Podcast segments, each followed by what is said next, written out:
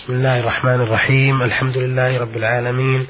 وصلى الله وسلم وبارك على عبده ورسوله نبينا محمد وعلى آله وأصحابه أجمعين. أيها المستمعون الكرام السلام عليكم ورحمة الله وبركاته. وأهلا ومرحبا بكم إلى هذا اللقاء الجديد من لقاءات نور على الدرب. يسرنا أن نعرض ما لدينا من رسائل على سماحة الشيخ عبد العزيز بن عبد الله بن باز الرئيس العام لإدارات البحوث العلمية والإفتاء والدعوة والإرشاد. وأولى رسائل هذه الحلقة وردت إلينا من ضيف الله بن عبد العزيز المطيري يقول في رسالته إذا دخل إذا دخلت إلى صلاة المغرب والجماعة في التشهد الأخير ودخلت معهم ثم سلم الإمام وقمت لأكمل الصلاة. فهل أصلي ركعة وأجلس للتشهد الأول أم أصلي ركعتين وأجلس للتشهد الأول وآتي بثالثة أفيدوني أفادكم الله؟ بسم الله الرحمن الرحيم. اللهم صل وسلم على رسول الله وعلى آله وأصحابه. أما بعد فإن المصلي إذا دخل والإمام في الركعة الأخيرة التشهد أو السجود فإنه يدخل معه ويكمل الصلاة معه. ثم إذا سلم الإمام قام فأتى بركعتين. ثم يجلس التشهد الأول ثم يأتي بالثالثة. هذه هي الصفة الشرعية لأداء صلاة المغرب لمن فاتته الصلاة كلها. أما من فاتته واحدة فإنه بعدما سيسلم الإمام يقوم فيأتي بواحدة تكون ثانية له ويجلس ويأتي بالتشهد الأول ويصلي على النبي صلى الله عليه وسلم ثم يقوم للثالثة فيكمل صلاته. والله ولي التوفيق. أثابكم الله. وهذا محمد مبخوت الراشدي من سلطنة عمان من صلالة. يقول في هذه الرسالة التي بعث بها إلى البرنامج آه لقد حضرت لصلاة العصر ودخلت في الركعة الثالثة وبعد تسليم الإمام قمت لتكملة ما فاتني من الصلاة. وأثناء ذلك حضر مسلم وصلى خلفي وجعلني إماما له. فهل يحق لي أن أكون إماما له؟ وهل تحسب له صلاة الجماعة؟ أفيدنا أفادكم الله. لا حرج في ذلك إن شاء الله على الصحيح يكون مأموما وأنت إمام ويرجى أن تكون أن يكون لكما فضل الجماعة. وإن صلى وحده وكملت وحدك فلعله أحوط. خروجا من خلاف علماء المانع من ذلك. نعم. أثابكم الله. يسأل أيضا ويقول آه لقد سمعنا منكم أنه إذا مر كلب أو حمار أو امرأة أمام المصلي تبطل الصلاة. فما هي المسافة التي يمر فيها أو تمر فيها هذه الأشياء؟ وهل إذا كانت المرأة هذه من المحارم أيضا تبطل الصلاة؟ أفيدنا أفادكم الله. ثبت عن رسول الله عليه الصلاة والسلام أنه قال يقطع صلاة المرء المسلم إذا لم يكن بين يديه مثل مقراة الرحل المرأة والحمار والكلب الأسود. وجاء في الحديث الآخر المرأة الحائض يعني البالغة. فإذا كانت بين يديه قريبا منه في ثلاثة أذرع فأقل فإنها تقطع هذه الثلاث. أما إذا كانت بعيدة أكثر من ثلاثة أذرع فإنها لا تقطع. أما إن كانت له سترة كمؤخرة الرحل مثل الكرسي مثل الجدار مثل سارية إذا مرت هذه الثلاث بين بينه وبين السترة فإنها تقطع صلاته. أما إن كانت من وراء السترة فإنها لا تقطع صلاته. يعني تبطلها هذا معنى قطعها يعني تبطلها. أما غير الثلاثة كالرجل وكالكلب غير الأسود وكحماء وكالدواب الأخرى فإنها لا تقطع لا تبطل الصلاة لكن لا ينبغي مرورها يعني يحرص المصلي على أن يمنع المرور بين يديه مطلقا حتى غير الثلاثة. لكن لا يقطع الصلاة ويبطلها إلا هذه الثلاثة المرأة البالغة والحمار والكلب الأسود. هذه هذه الثلاث هي التي تبطل الصلاة.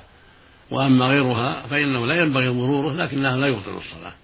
كالكلب غير الأسود وكمرور الرجل ومرور الناقة مثلا أو ما أشبه ذلك. نعم. بارك الله فيكم. يسأل أيضا ويقول نحن نصلي في الصحراء ولا يتقيد الواحد منا بالنظر إلى مكان سجوده بل يمد بصره في الصحراء. فهل هذا يبطل الصلاة؟ مد البصر إلى جهة الأمام في الصحراء أو عن يمين أو شمال لا يبطل الصلاة لكنه مكروه والسنة الخشوع في الصلاة والإقبال عليها وطرح البصر إلى محل السجود. كما قال الله عز وجل قد أفلح المؤمنون الذين هم في صلاتهم خاشعون وروي عن النبي صلى الله عليه وسلم أن من الخشوع طرح البصر إلى محل السجود. وهكذا نص الأئمة والعلماء على شرعية طرح البصر إلى موضع السجود لأن هذا أجمع للقلب. وأبعد عن الحركة والعبث. فالسنة للمؤمن أن يطرح بصره وألا ينظر ها هنا وها هنا لا في الصحراء ولا في غير الصحراء. بل يخشع في صلاته ويقبل عليها ويدع الحركات. بعض الناس قد يعبث بالساعة أو بلحيته أو بأنفه أو شيء من ثيابه وهذا خلاف المشروع العبث يكره إلا من حاجة إذا كان قليلا. أما العبث الكثير المتوالي فإنه, فإنه يبطل الصلاة. فينبغي المؤمن أن يتحرى الخشوع ويحرص على الخشوع في صلاته والسكون وعدم الحركة حتى يكملها. عملا بقوله سبحانه قد أفلح المؤمنون الذين هم في صلاتهم خاشعون. وعملا بقول النبي صلى الله عليه وسلم اسكنوا في الصلاة. لما رأى ناسا يشيرون بأيديهم في الصلاة قال اسكنوا في الصلاة. فأمرهم بالسكون وهو ترك الحركة وترك العبث. وفق الله الجميع. نعم. أثابكم الله. يسأل أيضا صاحبنا هذا ويقول هل يجوز للمرأة فعل الأذان والإقامة للصلاة أم لا؟ لا يشرع للمرأة أن تؤذن أو تقيم في صلاتها إنما هذا من شأن الرجال. أما النساء فلا يشرع لهن أذان ولا إقامة بل يصلين بدون أذان ولا إقامة. وعليهن العناية بالوقت والخشوع وعدم العبث في الصلاة كالرجل عليها أن تخشع وأن تطرح بصرها إلى موضع سجودها وأن تبتعد عن العبث لا في بالأيدي ولا بغيرها. هكذا السنة للمؤمن في صلاته وللمؤمن كذلك. بارك الله فيكم. أخيرا يقول صاحبنا هذا من سلطنة عمان آه، أريد أن أعرف من منكم آه، صيام أيام البيض ما المقصود به وما أجره وهل هو سنة وما هي الأيام التي حرص الرسول صلى الله عليه وسلم على صيامها. وهل إذا صام الإنسان في رجب وشعبان فقط الاثنين والخميس له أجر أم لا؟ ثبت عن رسول الله عليه الصلاة والسلام أنه كان يصوم الاثنين والخميس عليه الصلاة والسلام. وثبت عنه صلى الله عليه وسلم أنه رغب في صيام يوم الاثنين والخميس. وقال إنهما يومان تعرض فيهما العمل على الله. وأحب أن يعرض عملي وأنا صائم. ورغب الناس في ذلك عليه الصلاة والسلام. وحتى عبد الله بن عمرو وأبا هريرة وأبا الدرداء وغيرهم وغيرهم على صيام ثلاثة أيام من كل شهر. فالسنة صيام ثلاثة أيام من كل شهر. وإذا كانت في أيام البيض كان أفضل وهي الثالث عشر والرابع عشر والخامس عشر هذه أيام البيض. إذا صامها كان ذلك أفضل لأنها في وسط الشهر وسميت بيضا لأن ليلها أبيض بالقمر ونهارها أبيض بضوء الشمس. وإن صامت ثلاثة في غير أيام البيض صامها في العشر الأول أو في العشر الوسط أو في العشر الأخيرة في غير أيام البيض فهذا كله لا بأس به. المقصود أن يوصل ثلاثة أيام. هذا المقصود أن يصوم ثلاثة أيام من كل شهر. هذا هو المشروع والسنة. لكن إذا صامها في أيام البيض كان ذلك أفضل كان هذا مزيد فضيلة. وإذا صامها من رجب أو من أو من شعبان فلا بأس. لكن إذا استمر فيها يكون أفضل وإن صامها في بعض الشهور وتركها في بعض الشهور فلا حرج. نعم. بارك الله فيكم.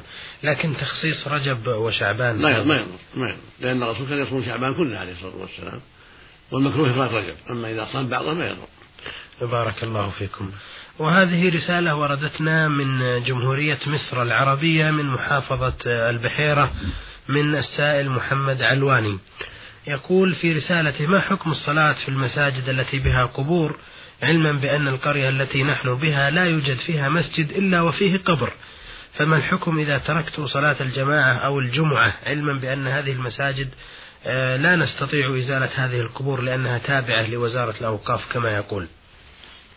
الرسول صلى الله عليه وسلم نهى عن الصلاة عند القبور ولعن اليهود والنصارى باتخاذهم المساجد على القبور. قال عليه الصلاة والسلام لعن الله اليهود والنصارى اتخذوا قبور أنبيائهم مساجد. قالت عائشة رضي الله عنها يحذر ما صنعوا. خرجه البخاري ومسلم في الصحيحين. وقال عليه الصلاة والسلام ألا وإن من كان قبلكم كانوا يتخذون قبور أنبيائهم وصالحيهم مساجد ألا فلا تتخذوا قبور مساجد فإني أنهاكم عن ذلك. خرجه مسلم في صحيحه. عن جندب بن عبد الله البجلي. وفي الصحيحين أم سلمة وأم حبيبة رضي الله تعالى عنهما أنهما ذكرتا للنبي صلى الله عليه وسلم كنيسة رأتاها في أرض الحبشة وما فيها من الصور. فقال النبي صلى الله عليه وسلم أولئك إذا مات فيهم الرجل الصالح بنوا على قبره مسجدا وصوروا في تلك الصور أولئك شرار الخلق عند الله. فأخبر أنهم بهذا العمل هم شرار الخلق بكونهم يبنون على قبور الصالحين مساجد. ويصورون صورهم عليها. هذا من عمل شرار الخلق. فالواجب على حكام المسلمين وعلى أعيان المسلمين التعاون في هذا الأمر وألا يبنى مسجد على قبر وألا يدفن ميت في مسجد بل المقابر على حدة والمساجد على حدة. هذه سنة المسلمين. وهذا هو المشروع الذي بينه الرسول للأمة عليه الصلاة والسلام. فالرسول صلى الله عليه وسلم كان والمسلمون يدفنون في البقية في المدينة وكان مسجده صلى الله عليه وسلم ليس فيه قبور. ولكن لما وسع المسجد في عهد الوليد بن عبد الملك في آخر القرن الأول أدخل الوليد الحجرة في المسجد النبوي. فظن بعض الناس لجهلهم أنه يجوز اتخاذ القبور في المساجد أو البناء عليها وهذا جهل وخلاف لما جاء عن النبي صلى الله عليه وسلم. فإن الرسول صلى الله عليه وسلم لم يدفن في المسجد وإنما دفن في بيته في بيت عائشة وهكذا دفن معه صاحباه أبو بكر وعمر رضي الله تعالى عنهما. وعند التوسعة التي فعلها الوليد بن عبد الملك أدخل الحجرة برمتها في المسجد. فالرسول صلى الله عليه وسلم دفن في بيته وهكذا صاحباه ولم يدفنوا في المسجد. فلا ينبغي لعاقل أن يحتج بهذا على ما فعله أولئك الذين غلطوا وخالفوا السنة. فبنوا على القبور واتخذوا عليها المساجد أو دفنوا في المساجد كل هذا غلط. ولا يجوز صلاة في المساجد التي فيها القبور لا يصلى فيها إذا كان القبر في داخل المسجد. أما إذا كان القبر خارج المسجد عن يمينه أو شماله أو أمامه وراء حائطة من أمام فلا يضر ذلك. أما إذا كان في المسجد في نفس المسجد فإنه لا يصلى في هذا المسجد. والواجب على الحكام حكام المسلمين أن ينظروا في الأمر. فإن كان المسجد هو الأخير واللي بني على القبر يهدم. وتكون القبور بارزة للمسلمين يدفن في الأرض التي فيها قبور وتكون بارزة غير مسقوفة وغير مبني عليها حتى يدفن فيها المسلمون وحتى يزوروها ويدعون يدعو لأهلها بالمغفرة والرحمة. والمساجد تبنى في محلات ليس فيها قبور.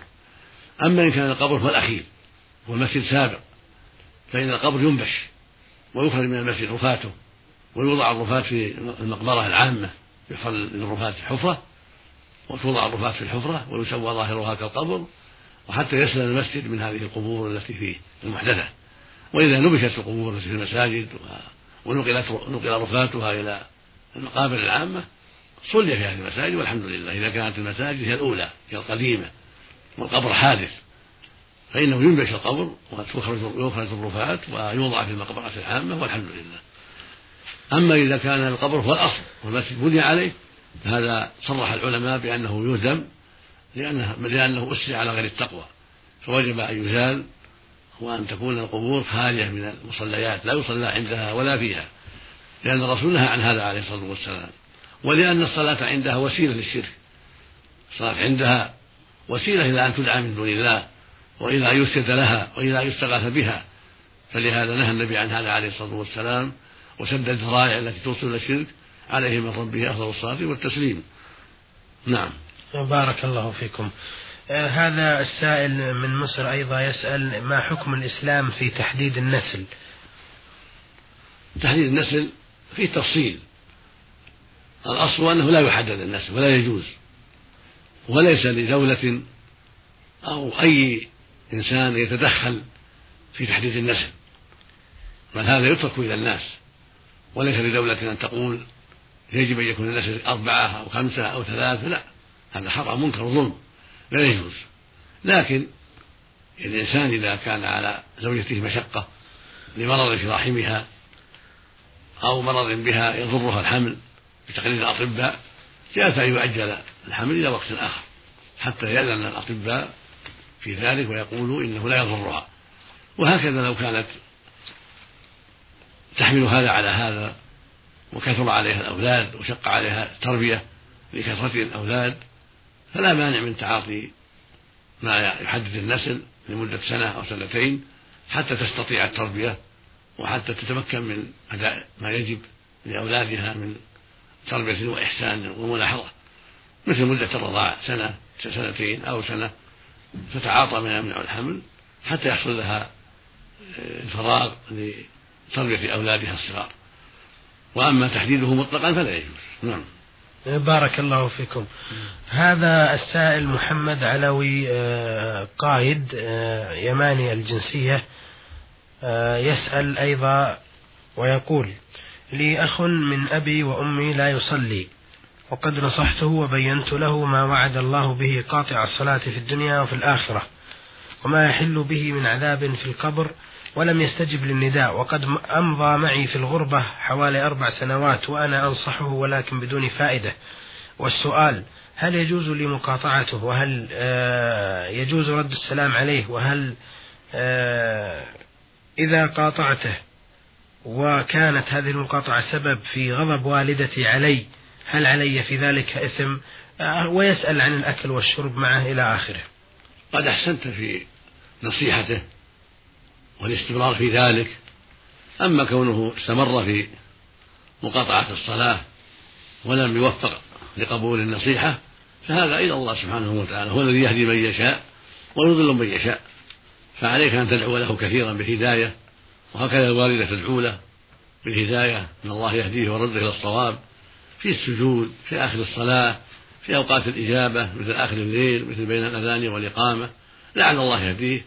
ولعل الله يستجيب دعاءك ودعاء الوالدة أما المقاطعة الواجب مقاطعته. ما دام لم يقبل الواجب هجره ومقاطعته. لعله لعله يستفيد من هذا الهجر ولعل الله يهديه بذلك.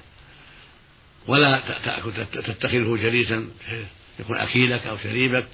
ولا تجب دعوته إذا كان في بيت آخر إذا دعاك. بل تظهر له المقاطعة والبغضاء حتى يهديه الله عز وجل. وهكذا الوالدة عليها أن تنكر عليه وعليها أن تبغضه في الله وعليها أن تقاطعه حتى يهديه الله. لأن ترك الصلاة كفر أكبر في الصحيح من قولي العلماء. يقول النبي صلى الله عليه وسلم رأس الأمر الإسلام وعموده الصلاة. ويقول النبي أيضا عليه الصلاة والسلام العهد الذي بيننا وبينهم الصلاة فمن تركها فقد كفر. ويقول عليه الصلاة والسلام بين الرجل وبين الكفر والشرك ترك الصلاة. والصلاة عمود الإسلام من أضاعها أضاع دينه نسأل الله العافية. ويقول النبي صلى الله عليه وسلم من حفظ لما ذكر الصلاة يوما قال من حافظ عليها كانت له نورا وبرهانا ونجاة يوم القيامة. ومن لم يحافظ عليها لم يكن له نور ولا برهان ولا نجاة.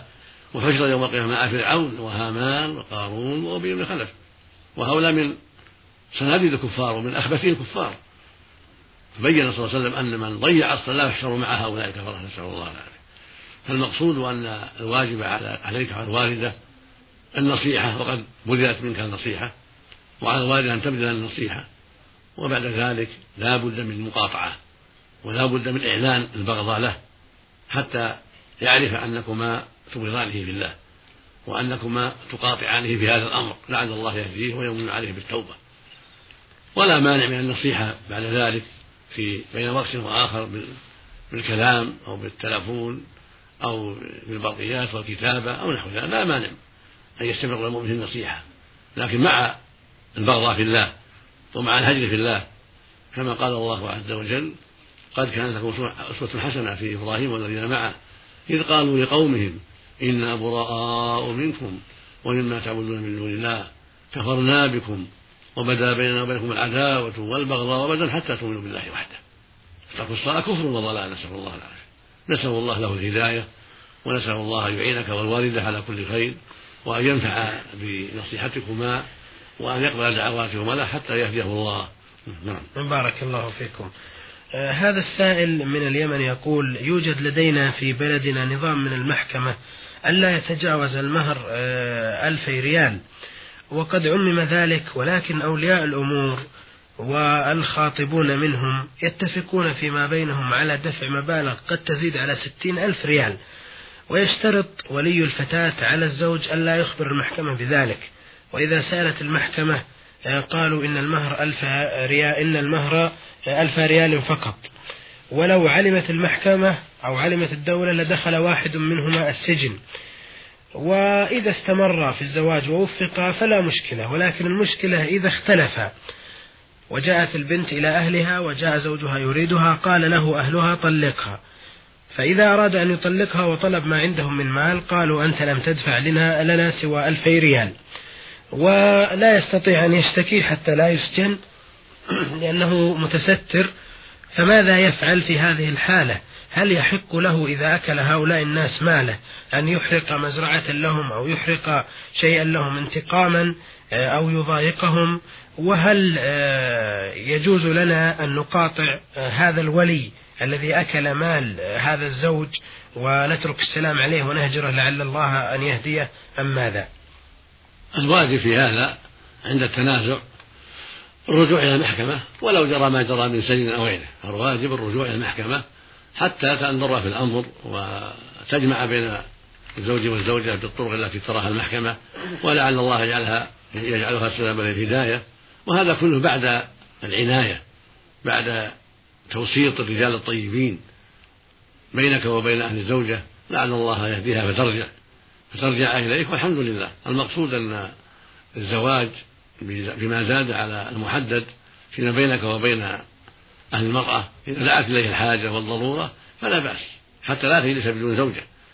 ولكن ينبغي للجميع أن يتأدبوا وأن يأخذوا بما عينت الدولة وأن يتعاونوا على الخير لأن المغالاة في المهور لا خير فيها وتضر الجميع قد تعطل الشباب والفتيات والدولة أرادت الخير وأرادت الإصلاح فينبغي للشعب رجالا ونساء أن يتعاونوا مع الدولة وأن يرضوا بهذا المقرر ولو قليلا ومتى صلحت الحال فسوف يعطيها الشيء الكثير لكن ينبغي للشعب أن يتعاون مع الدولة في قبول ما قرر وارتضابه والتسامح حتى لا يتعطل الرجال ولا يتعطل النساء.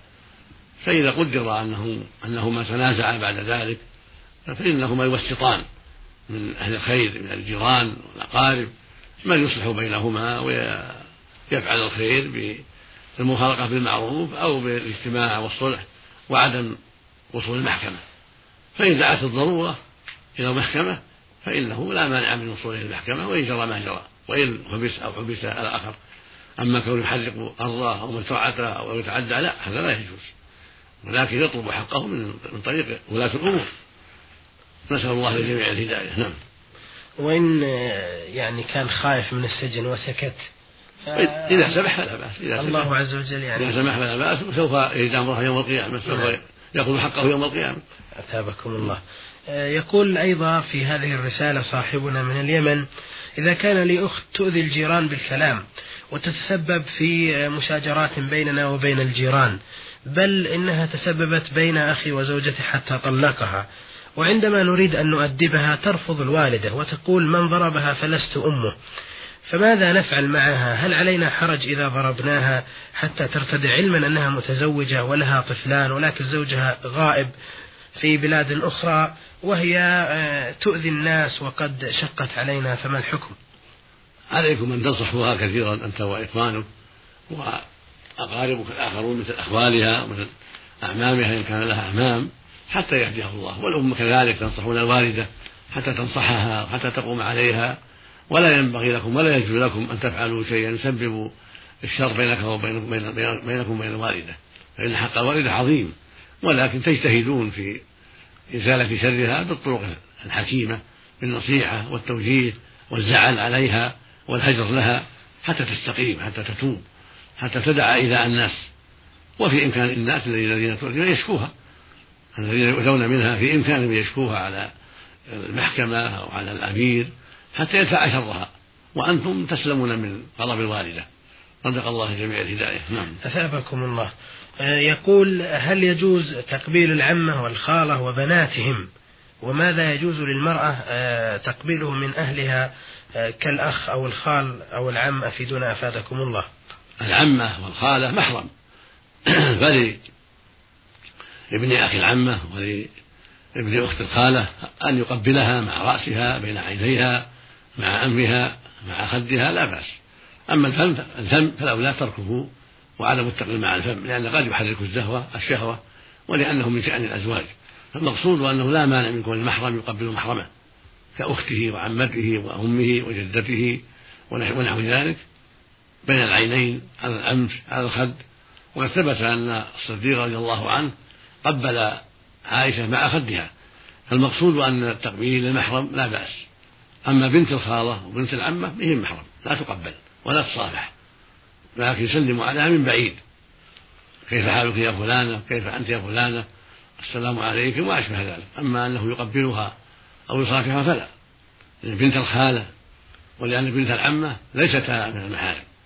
وهكذا بنات الجيران ونساء الجيران ليسوا لسنا محارم. فلا يقبل الإنسان جارته جارته ولا بنت عمه ولا بنت خاله ولا زوجة أخيه ولا أخت زوجته. كل هؤلاء ليسوا محارم. ولا إنما ولا يصافحهن ولكن بالكلام من بعيد نعم. أثابكم الله. أخيرا يقول صاحبنا هذا آه، إذا نزلت من بلاد الغربة إلى أهلي آخذ معي هدايا لأمي وزوجتي. فهل يلزمني أن أساوي بين أمي وزوجتي في الهدايا علما بأن الوالدة تهدي هذه الهدايا إلى ناس آخرين؟ قد يكون منهم من أكرهه ولا أرضاه. لا يلزمك التساوي. تنظر الأصلح. تنظر الأصلح. فإن شئت زدت الوالدة وإن شئت زدت الزوجة الزوجة لها شأن والأم إن شئت زدت الأم وإن شئت زدت الزوجة وإن شئت سويت بينهما. كل واحدة لها ما يناسبها من اللباس. فأنت تنظر في الأصلح وتعطي الوالدة ما يناسبها وتهدي إلى الزوجة ما يناسبها. وأما تصرف الوالدة في بعض الهدايا فهذا يمكن أن تنصحها بالأسلوب الحسن والكلام الطيب. إذا كانت تعطي أناسا لا ترضى أن يعطوا لكن بالأسلوب الحسن بالكلام الطيب. لعلها تقتنع بكلامك نعم. أثابكم الله. بهذا أيها المستمعون الكرام نأتي إلى نهاية هذه الحلقة التي آه، تفضل فيها سماحة الشيخ عبد العزيز بن عبد الله بن باز فأجاب على رسائلكم واستفساراتكم فشكر الله له ذلك ورضي عنه وبارك فيه وإلى الملتقى بكم في حلقة قادمة إن شاء الله. نستودعكم الله تعالى ولكم تحية من مهندس هذه الحلقة خالد بن نور خميس والسلام عليكم ورحمة الله وبركاته.